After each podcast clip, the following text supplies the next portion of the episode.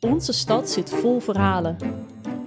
Verhalen uit andere tijden die je haast voelt als je door de Leidse straten loopt. Verhalen van lakenhandelaren, schilders, wetenschappers en schrijvers. Het zijn verhalen die de stad vormden. Maar welke verhalen zijn we vergeten of hoorden we liever niet? In deze serie gaan wij, Fenna en Mariska, op zoek naar een Leids verleden dat wij nog niet kenden. Een ongemakkelijk verleden. Ja, je, je weet niet zo goed Je weet wat niet je, zo goed wat je... eh, Ja, wat zo je heftig. Dat, ja, Ja. Een tegenstrijdig verleden. We moeten ons denk ik wel realiseren de context waarin deze man een leven geleid heeft. De indoctrinatie die je krijgt. Een Leids verleden. Een Leidse erfenis. In de vorige aflevering spraken we met Jori Zelmans, conservator van de Lakenhal. En zij wees ons op de link tussen de Leidse lakenhandel en kolonialisme en slavernij. Maar ze vertelde ons ook over lakenhandelaren die direct of indirect betrokken waren bij de slavernij. Onder andere de bekende Leidse denker en lakenhandelaar Pieter Lacour. Ja, hij correspondeerde met zijn achterneef op Curaçao die namens hem handel dreef op dat eiland. Ook zat de Lacour in de kamer van de West-Indische Compagnie in Amsterdam, die op dat moment vrijwel alleen nog maar met slavenhandel bezig was. En dan had hij ook nog samen met zijn vrouw voor 10.000 gulden aandelen in de WIC. Hij was daarmee een van de grootste investeerders in de WIC. En zijn zus, Johanna de Lacour, schreef aan Pieter: Vergeet niet om te participeren in het slavenschip van de WIC. Ja, maar in deze aflevering willen we het niet over Pieter de Lacour hebben, maar over Daniel van IJs. Hij was ook zo'n lakenhandelaar. En toen de lakenhandel steeds verder instortte, verlegde hij zijn focus en begon hij vier plantages. Waaronder de plantages Klein Poelgeest en Groot Poelgeest. En dat waren plantages in de voormalige Nederlandse kolonie Berbice, naast Suriname, nu Guyana. Sjoerd Ramakkers die schreef zijn bachelorscriptie over Daniel van IJs en zijn betrokkenheid bij de slavernij. En we spreken met hem af aan de oude singel bij het woonhuis van Daniel van IJs. En vroeger lag dat in het kloppend hart van de lakenindustrie. Met lakenververs die continu in de weer waren aan de grachten en de lakenhal op steenworp afstand. Eh, we staan hier omdat we vlakbij het huis zijn van Daniel van IJs, een eh, Leidse plantage-eigenaar. Daniel ehm, is geboren in Amsterdam in 1688. Zijn vader die zat al in een lakenbedrijf, maar omdat Daniel niet de oudste zoon was, kon hij niet dat lakenbedrijf overnemen. Dus toen besloot zijn vader van, jij gaat naar Leiden, want Leiden is nog steeds best wel een belangrijke stad voor de lakenindustrie. Eh, en dan ga jij daar gewoon een soort dochteronderneming opzetten voor mijn bedrijf. En dat heeft hij vanaf 1708 eh, hier gedaan, om de hoek. En het is dit pand. Ja, drie verdiepingen hè? Ja, dus dan zou je denken van nou, dan moet het toch een succesvol koopman zijn geweest. Ja, en zo wilde die zich ook wel echt eh, tonen. Jij bent er al een keer binnen geweest. Ja, ik mocht naar binnen, ja. Nee, ja, ik, ik stond hier samen met Joris Zelmans, de conservator. En eh, de vrouw die er binnen zat, die eh, zag dat en die dacht, nou, Wat ik doet kan, dat wel, daar? ik kan wel even vragen of ze naar binnen willen gaan. Ja, Dus toen zijn we eventjes naar binnen gegaan. Dus als je hier door de voordeur zou lopen, eh, dan kom je echt in zo'n marmeren gang. En een hele grote marmeren trap staat daar ook achter. Boven de deuren zijn ook allemaal versiersels in relief, waarin echt de rijkdom wordt getoond. En dat heeft hij dan allemaal te danken aan de lakenindustrie, want hij heeft al die eh, versiersels in die tijd eh, aangebracht. Toen hij dus in Leiden zijn onderneming begon, stond de lakenhandel er nog eh, behoorlijk goed voor, toch? Ja, volgens mij het topjaar was 1698 voor de lakenhal. Eh, en in 1708 ging het ook echt perfect nog steeds met de lakenindustrie. Tot 1725. Dan gaat het opeens helemaal fout. En dan daalt de hele lakenindustrie. De eerste decennia halveert het gewoon per decennium. en waar had dat mee te maken? Ehm, verschillende oorzaken. Ehm, op een gegeven moment denken staten van we gaan eh, protectionistische maatregelen nemen. Dus dan eh, wordt er tol geheven gewoon en dan wordt het laken duurder. Verder is er nog eh, concurrentie uit eh, andere steden zoals Verviers en Aken en Eupen. Die maken ook goedkopere lakens, maar wel van mindere kwaliteit. En verder zeggen sommigen ook wel dat het laken een beetje uit de mode raakt. Dat ze in de 18e eeuw juist in frisse kleuren willen rondlopen. En dat die Leidse lakens vooral ja, zwarte lakens zijn die niet meer zo populair zijn. Verder is ook nog concurrentie van de VOC bijvoorbeeld, die eh, de hele Aziatische markt zo'n beetje afschermt voor Leidse lakenhandelaren. Dus de VOC exporteert enorm veel lakens, eh, ruilen die ook met lokale bewindhebbers. Ehm, maar die zijn meestal eigenlijk alleen maar in Amsterdam geproduceerd. Daniel begon dus in een periode dat die lakenhandel er nog bloeiend voor stond. En eigenlijk toen hij daadwerkelijk zijn onderneming op gang bracht, toen stortte die Ja. hele handel in. Ja, dus ja, hij heeft een hele ongelukkige timing heeft hij gehad. Ja. Wat eh, besloot hij toen te doen? Nou, hij dacht eerst, eh, ik ga die lakenhandel eh, gewoon even hè, nieuw leven inblazen. Eigenlijk alles wat hij probeerde eh, in tien jaar tijd, dat slaagde niet. En toen besloot hij, nadat hij een erfenis kreeg van zijn vader, van ik ga dit geld niet meer inzetten in de lakenindustrie, maar ik ga plantages opkopen. En toen liet hij de lakens helemaal los. Nee, nee die lakenindustrie die hield hij er ook nog wel bij. Maar hij, hij bouwde het wel af. Dus hij, eh, op een gegeven moment heeft hij ook al zijn spullen die hij hier in deze huizen gebruikte, heeft hij, eh, verkocht. En toen heeft hij nog een tijdje alleen maar in lakens gehandeld. Dus niet meer zelf geproduceerd, maar wel gehandeld.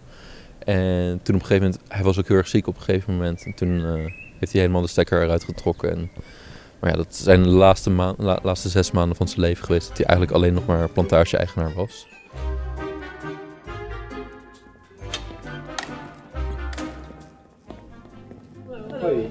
Jullie hadden afspraak met Joris, geloof ik. Jo- Joris heeft het geregeld met jullie? Ja, die heeft het mij aan We zitten om een tafel bij Erfgoed Leiden en Omstreken, waar de Leidse archieven bewaard worden. Voor ons ligt een mapje met losse brieven. Op het vergeelde papier zien we de resten van een rode zegel. Naast de brieven ligt op een kussen een dik en zwaar boek, waarvan de pagina's over de hele breedte zijn volgeschreven. Dit is het brievenboek. Dus hier zitten alle brieven in die Daniel van IJs zelf heeft verstuurd. En nou, ja, eerst zie je zo'n alfabet. Dus dan kan je op zoek gaan eh, naar namen eh, waar die naar, brieven naar heeft gestuurd. We zijn nu dus op zoek naar Gordian. Teller. Teller. En ik zal kijken waar... We zoeken dus naar de correspondentiebrieven tussen Gordian Teller en Daniel van IJs. 16, ja, 1 uur, maar dat wist je natuurlijk al. Nee, dit is eh, 14. Daniel van IJs nam de Duitse Gordian Teller rond 1725 aan als assistent in de lakenhandel. Toen het slechter ging met de lakenhandel en Daniel de erfenis van zijn vader investeerde in plantages, veranderde de functie van Teller. Hij was niet langer assistent in de lakenhandel, maar werd directeur van twee plantages in Berbice. Daarnaast kreeg Teller de opdracht om nog twee geschikte plantages te zoeken voor Daniel. Sjoerd zoekt een brief waarin de assistent van Gordian Teller, Gilles Mens, die vermoedelijk een neef was van Daniel, verslag doet aan Daniel van IJs. Hij schrijft over zijn eerste indrukken en zijn zoektocht naar geschikt land om een plantage te beginnen. Nou, hij ligt dus gewoon helemaal onderop. Dit is het eerste bericht dus dat eh, Daniel krijgt uit de kolonie van zijn neef eh, Gilles Mens. En Gilles eh, schrijft op 27 mei eh, 1735 dus aan mijn heer en zeer geëerde neef ehm, over hoe de oversteek was. Mijn heer en zeer geëerde neef.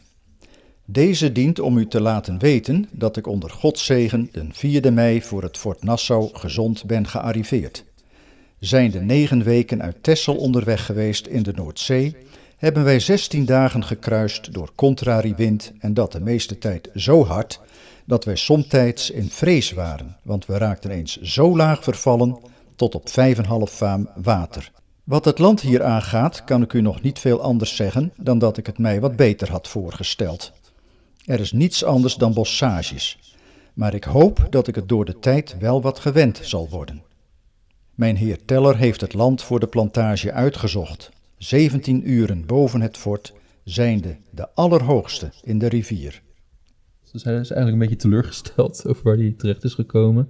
In diezelfde brief schrijft hij ook dat er te weinig tot slaafgemaakten zijn. Als je een plantage begon, dan kreeg je automatisch eh, wat eh, tot slaafgemaakten tot je beschikking. Van wie dan? eh, van de, vanuit de sociëteit. Dus het was eigenlijk een soort van stimulansregeling of zo om investeerders aan te trekken. Maar hij klaagt eigenlijk dat, dat, dat ze er veel te weinig hebben. Zeker voor vier plantages.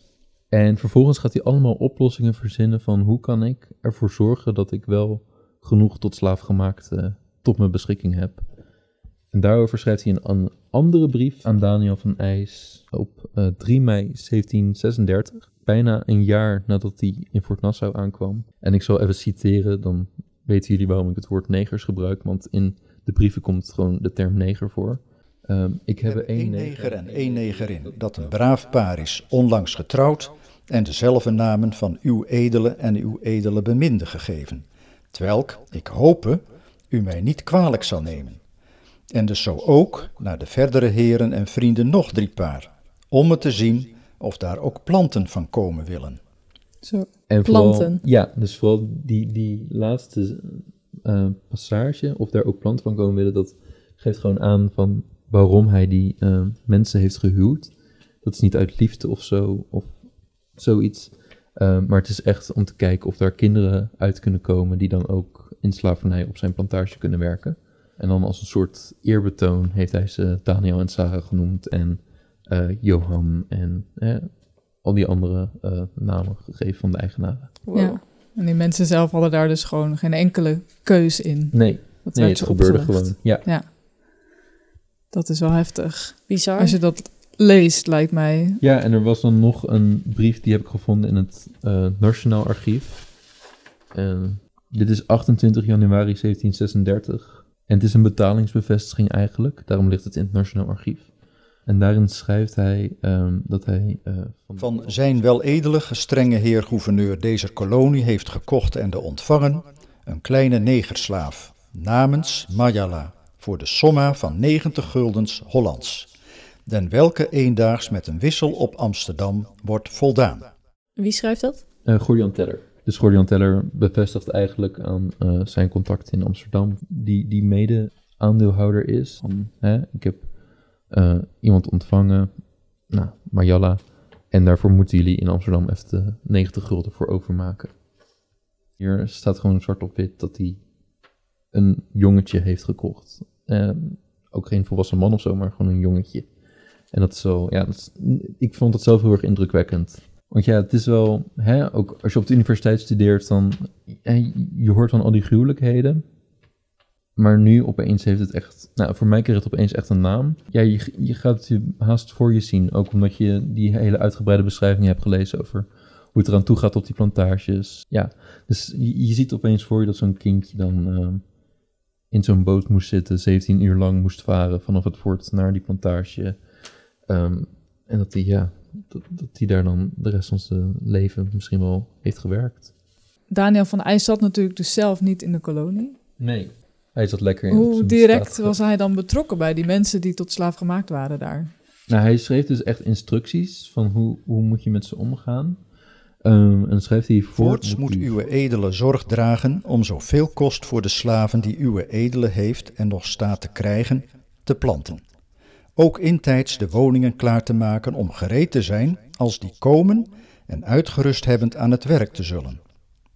Dezelfde en alle de anderen met zachtheid regerende, dus je moet ze zacht behandelen.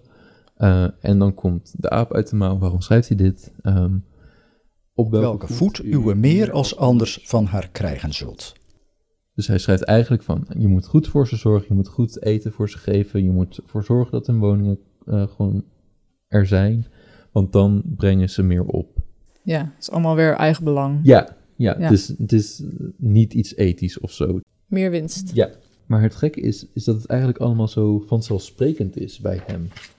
Dus hij schrijft op een gegeven moment, schrijft hij ook over ehm, eh, slaven en mensen. Hij, hij ziet slaven eh, niet als mens. Hij ziet er een onderscheid tussen. En hij schrijft ook op een gegeven moment christenen en slaven. Hè? Dus het onderscheid zit voornamelijk voor hem dan in het christendom. Eh, dat die tot slaafgemaakten geen christen zijn. Hè? Hij heeft ook eh een eh, zogenaamd rode, dus een inheemse persoon tot slaaf gemaakt. Maar hij legt nooit uit waar dat onderscheid in zit. Want het wordt als normaal geacht. Ja, dat is een van de meest gekke dingen. Dat het zo normaal is dat je deze ontmenselijking, want dat is het, niet meer hoeft uit te leggen. En dan vinden we in het Nationaal Archief over hoe die tot slaafgemaakten echt behandeld worden door Gilles Mens. Ik heb een, ehm, volgens mij is dat hier, een rechtszaak gevonden ehm, van Pyramus. En Pyramus eh, is een aantal jaar lang ja, echt weggevlucht van de plantage waar Gilles Mens eh, directeur van was. Pyramus was een tot slaaf gemaakte op die Ja. plantage. En Pyramus zegt erin van ja, ik heb eerst onder Gordian Teller gewerkt. En die was, die was nog wel goed voor mij, eigenlijk. Hè? Dat is ook wel een gek idee. Ja, dat zou je eigenlijk niet verwachten. Maar bij Gilles Mens eh, ja, gaat het echt helemaal mis. En op een gegeven moment koopt Pyramus, omdat hij zelf haast geen voedsel krijgt, koopt hij vissen van de lokale inheemse stam. En Gilles Mens komt erachter, eh, terwijl Pyramus het gewoon met zijn eigen geld koopt. En Gilles Mens laat Pyramus dan vastbinden en slaan. En vervolgens eh, ontsnapt Pyramus dus van de plantage. En dan duurt het een aantal jaar, maar uiteindelijk wordt hij opgepakt. En dan eh, eh, ja, is het dus de vraag van, moet Pyramus nu de doodstraf krijgen of niet? De helft van de raad die daarover gaat, die zegt ja, hij hoort de doodstraf te krijgen. En een andere deel zegt nee, er zijn een soort van verzachtende omstandigheden. En dan ligt het dus aan de gouverneur ehm, wat hij krijgt. En de gouverneur zegt dan, ik ben overtuigd van de barbaarse behandeling van Gilles Mens. En daarom krijgt hij niet de doodstraf, ehm, maar worden zijn oren eraf gehakt ehm, en moet hij verkocht worden aan eh, een Engelse slavenhandelaar.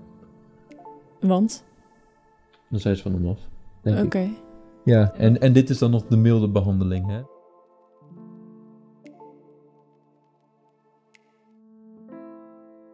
Zo'n rechtszaak is de enige manier zo'n beetje dat je iets weet over de ervaring van een tot slaafgemaakte.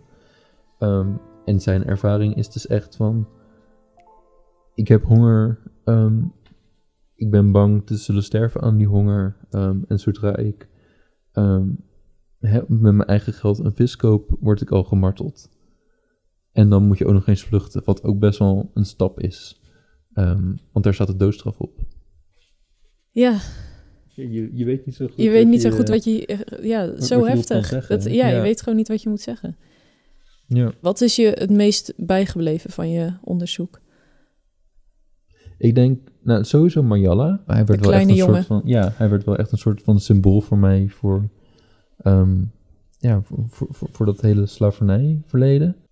En verder, nou toch ook wel de, ja, eigenlijk ehm, hoeveel het allemaal lijkt, hoe Daniel zijn plantages bezit en hoe hij ehm, zijn lakens maakt. Dat is heel vreemd eigenlijk. Maar Daniel zit vooral aan een schrijftafel en geeft instructies. En die instructies schrijft hij naar eh, Hilversum over hoe het laken geweven moet worden. Die instructies schrijft hij naar Cadiz over hoe zijn lakens verkocht moeten worden. En hij schrijft die instructies naar Gilles Mens en Gordian Teller over hoe je met tot slaafgemaakte moet omgaan. En het is eigenlijk een heel vreemd iets om zo te zien dat het echt. eh, omdat ze steeds slavernij echt als een heel apart ding zien nog steeds. Het gewoon voor deze, voor deze Daniel was het eigenlijk gewoon, ja, gewoon een onderdeel van zijn onderneming. En hij heeft precies hetzelfde gedaan als wat hij bij de rest van zijn ondernemingen allemaal deed.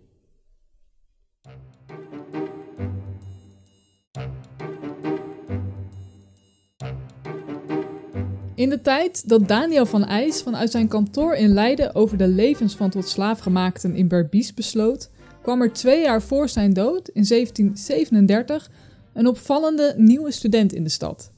Jacobus Kapitein, een jongen van rond de 20, geboren in Ghana.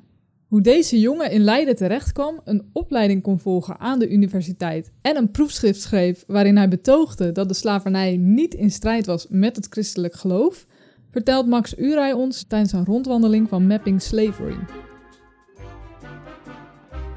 Uh, mijn naam is Max Urij. Ik ben een van de rondleiders van Mapping Slavery in Leiden. Een uh, publieksgeschiedenisproject dat uh, op een laagdrempelige manier probeert de koloniale geschiedenis en de geschiedenis van de slavernij in Leiden zichtbaar te maken. Um, we geven momenteel rondleidingen. En eigenlijk het belangrijkste wat we willen meegeven met deze rondleidingen is laten zien dat dit een geschiedenis is die meer dan 200 jaar een heel actief deel was van het alledaagse leven in de hele stad. Uh, en een van de ambities die we ook hebben is om een soort permanente markering in de stad aan te brengen die die geschiedenis zichtbaar maakt. Vandaag worden we dus rondgeleid door Max, maar we zijn niet de enige. Ook Peggy Wijntuin volgt de rondwandeling. Eerder droeg zij bij aan de herdenking van het slavernijverleden in Rotterdam en Den Haag. En nu is ze aangesteld in Leiden als projectleider van de herdenking van dit verleden. Voor haar is de rondleiding een eerste kennismaking met het Leidse slavernijverleden. Peggy Wijntuin, projectleider Herdenking Slavernijverleden Leiden. Uh, hier in Leiden is het de bedoeling dat ik me uh, met een voorstel kom voor de herdenking 2023. Dat ik ook met een voorstel kom voor een toekomstig monument. En uh, de samenwerking zoek met de universiteit. Ik zag ook voor me dat we daarheen gingen. We lopen met Max en Peggy naar het academiegebouw, waar Max zijn verhaal begint. Goed, we staan hier bij het academiegebouw. Uh, en hier wil ik jullie iets vertellen over ja, waarschijnlijk het, meest merkwaardige verhaal dat er zich hier heeft afgespeeld. En dat is het verhaal van Jacobus Kapitein. Jacobus Kapitein was een jongen die is geboren in Ghana, in Almina. Uh, daar gevangen is genomen en als cadeau is gegeven aan de kapitein van een schip, die hem dus ook, die Jacobus heette en hem dus ja, de achternaam heeft gegeven van zijn, van zijn beroep. Um, is geboren in, rond 1717. Hij was duidelijk ontzettend slim, dus hij is uh, in Nederland aangekomen, daar is hij bevrijd. En, uh, ja, Max vertelde ons daar al eerder over tijdens de wandeling. In de Republiek was slavernij verboden. Als je als tot slaafgemaakte naar de Republiek werd meegenomen, bijvoorbeeld als huisbediende, dan was je dus eigenlijk vrij zodra je voet op Nederlandse bodem zette. Maar tot slaafgemaakten waren helemaal niet in de positie om deze vrijheid ook op te eisen, op uitzonderingen na. Dus je kwam alleen vrij als je eigenaar je vrijheid gaf. In de praktijk bestond slavernij dus ook gewoon in de Republiek. En Jacobus Kapitein kwam in 1728 op 11-jarige leeftijd naar de Republiek. Hij was daar dus officieel vrij en zijn eigenaar erkende ook zijn vrijheid. De meeste vrije zwarte mensen in de Republiek kwamen in de lagere klasse terecht, maar Jacobus werd onderdeel van de hogere klasse. Zijn voormalige eigenaar koos er namelijk voor om hem een goede opleiding te geven. Mogelijk zodat hij Jacobus later weer voor zijn eigen plannen kon inzetten. Jacobus begon zo een nieuw leven in Den Haag. Daar heeft hij de Latijnse school gedaan en daarna heeft hij hier in Leiden een opleiding tot theoloog gedaan. En waar hij vooral bekend om is geworden is zijn dissertatio, dus de, de lezing die hij gaf bij uh, zijn proefschrift. En die ging erover dat slavernij en het christelijk geloof elkaar niet tegenspraken. Oké. Okay. Ja. Dat verwacht je dan niet. Nee, uh, een paar van de dingen die hij aanhaalde, uh, zijn, zijn punt was, het was niet per se, het is moreel juist. Het ging, voor hem, zijn, zijn punt ging meer erover dat uh, de, de echte vrijheid van mensen dus ligt in het geloof. Dus inderdaad weer, wederom die, dat idee van die beschavingsmissie zit erin. Van als je mensen maar vertelt over Jezus Christus, dan vinden ze een, een soort van ware vrijheid van hun ziel. En dus vervolgens, wat je dan met hun lichaam doet, is eigenlijk irrelevant daarin. Voordat we verder gaan, we hebben nog even onderzocht wat er nou precies in dat proefschrift stond. Inderdaad. Jacobus kapitein schreef onder andere dat de Bijbelse aartsvaders Abraham, Isaac en Jacob ook slaven hadden. Dus volgens kapitein was slavernij al onderdeel van Gods plan, omdat hij het altijd al toestond. En slavernij kon volgens kapitein zelfs goed zijn voor Afrikanen, omdat ze dankzij de slavernij in aanraking kwamen met Europeanen en zo kennis kregen van de christelijke normen en waarden. Ja, sterker nog, kapitein beargumenteerde dat slavernij ook goed kon zijn voor de armen in de republiek. Want volgens hem konden zij niet altijd even goed omgaan met hun vrijheid. En slavernij kon hen in het gareel brengen. Nou, en zo'n betoog voor de slavernij was binnen de Universiteit Leiden trouwens niet uniek. Ik las dat wetenschappers aan de universiteit zich tot de 19e eeuw eigenlijk niet uitspraken tegen slavernij. Nee, en pleidooien voor de slavernij, die waren dan weer wel te horen. Vaak werd inderdaad gezegd dat slavernij beschaving bij kon brengen. Maar het proefschrift van Jacobus voor slavernij werd juist vanwege zijn achtergrond een groot succes.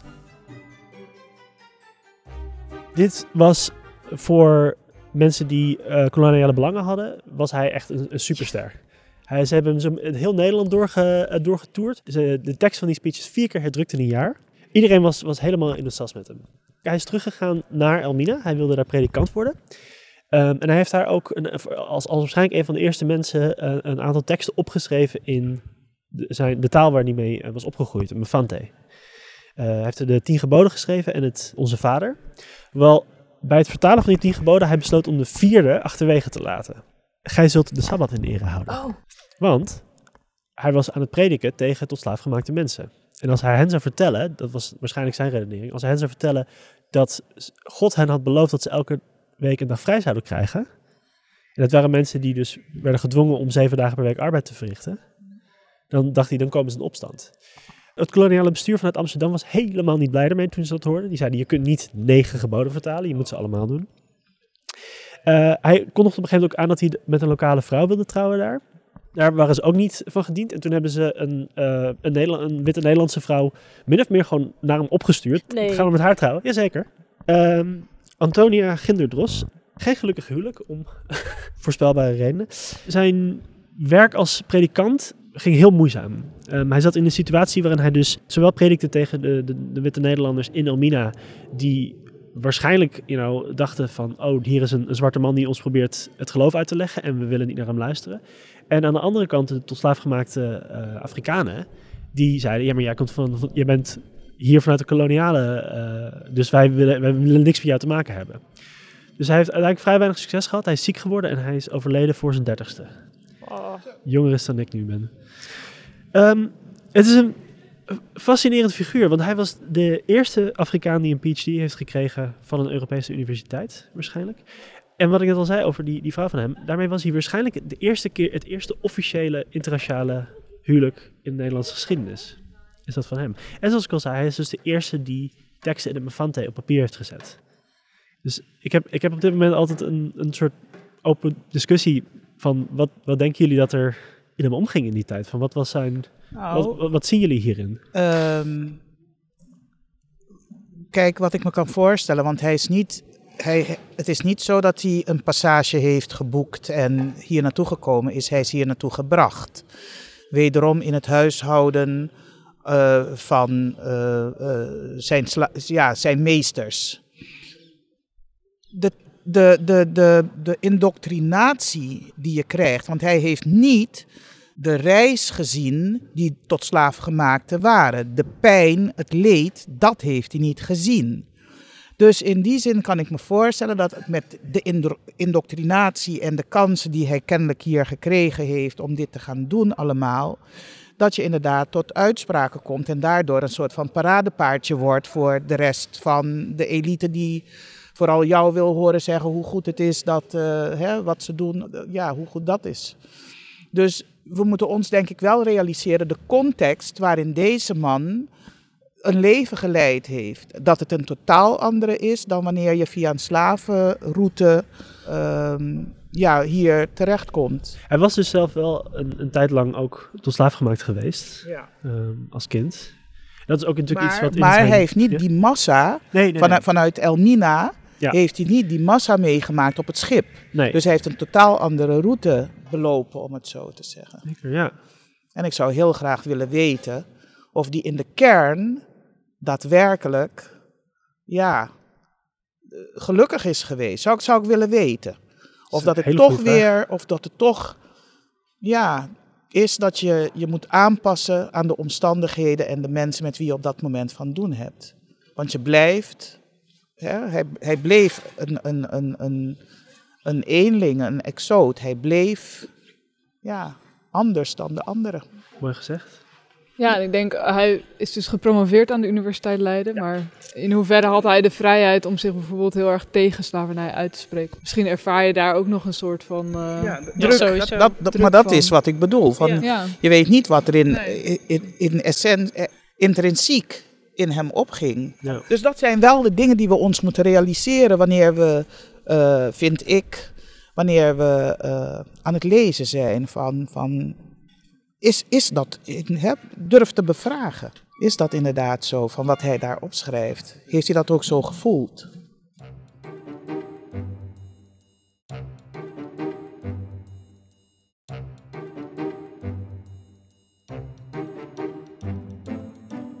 Ja, het verhaal van Jacobus laat mij wel weer zien hoe gelaagd dat koloniale verleden is. En hoe complex ook die verhoudingen lagen en misschien nog wel liggen. Jacobus had als goed opgeleide Afrikaanse man een uitzonderlijke positie in de republiek. En werd duidelijk ook gebruikt als paradepaardje, zoals ook Peggy zei. Ja, en het is opvallend dat juist Jacobus kapitein zo'n podium kreeg. Zelfs later in de geschiedenis werd zijn werk veel onderzocht, terwijl de stemmen van zwarte mensen tegen slavernij nauwelijks werden gehoord. Dat is inderdaad wel veelzeggend, denk ik. Goed, in deze aflevering hebben we twee verhalen gehoord over lijden en slavernij. Ik denk dat die verhalen wel iets laten zien over de rol die slavernij speelde binnen twee belangrijke pijlers van lijden in die periode, namelijk de wetenschap en de lakenhandel. in het geval van de lakenhandel hoe lakenhandelaren overgingen van de lakenhandel naar plantages en eigenlijk op dezelfde manier deze industrieën beheerden. Ja, en het verhaal van Jacobus Kapitein laat zien hoe de wetenschap bij kon dragen aan de morele verantwoording van slavernij. Maar welke rol speelde de Leidse wetenschap verder in het kolonialisme? In de volgende aflevering zoeken we dat uit. We komen terecht in het depot van Museum Boerhaven, waar we een foetus op sterk water zoeken. Waar komt deze foetus vandaan? En in de hortus gaan we op zoek naar een bijzondere plant uit Suriname, die zowel belangrijk was voor de wetenschap als voor gevluchte tot slaafgemaakten. Dit was een Leidse erfenis, een podcast gemaakt door Leidse Schatten met steun van de historische vereniging Oud-Leiden, de gemeente Leiden en het Wereldmuseum Leiden. Op Instagram delen we foto's van onze zoektocht en zie je onder andere de kaart met de plantages van Daniel van IJs. En je vindt er een afbeelding van Jacobus Kapitein. Neem een kijkje op Leidse Schatten. En in onze show notes vind je nog een link naar Mapping Slavery, als je zelf een rondleiding wilt volgen. Oh ja, en het helpt natuurlijk altijd om deze serie in je podcast-app te volgen of positief te beoordelen.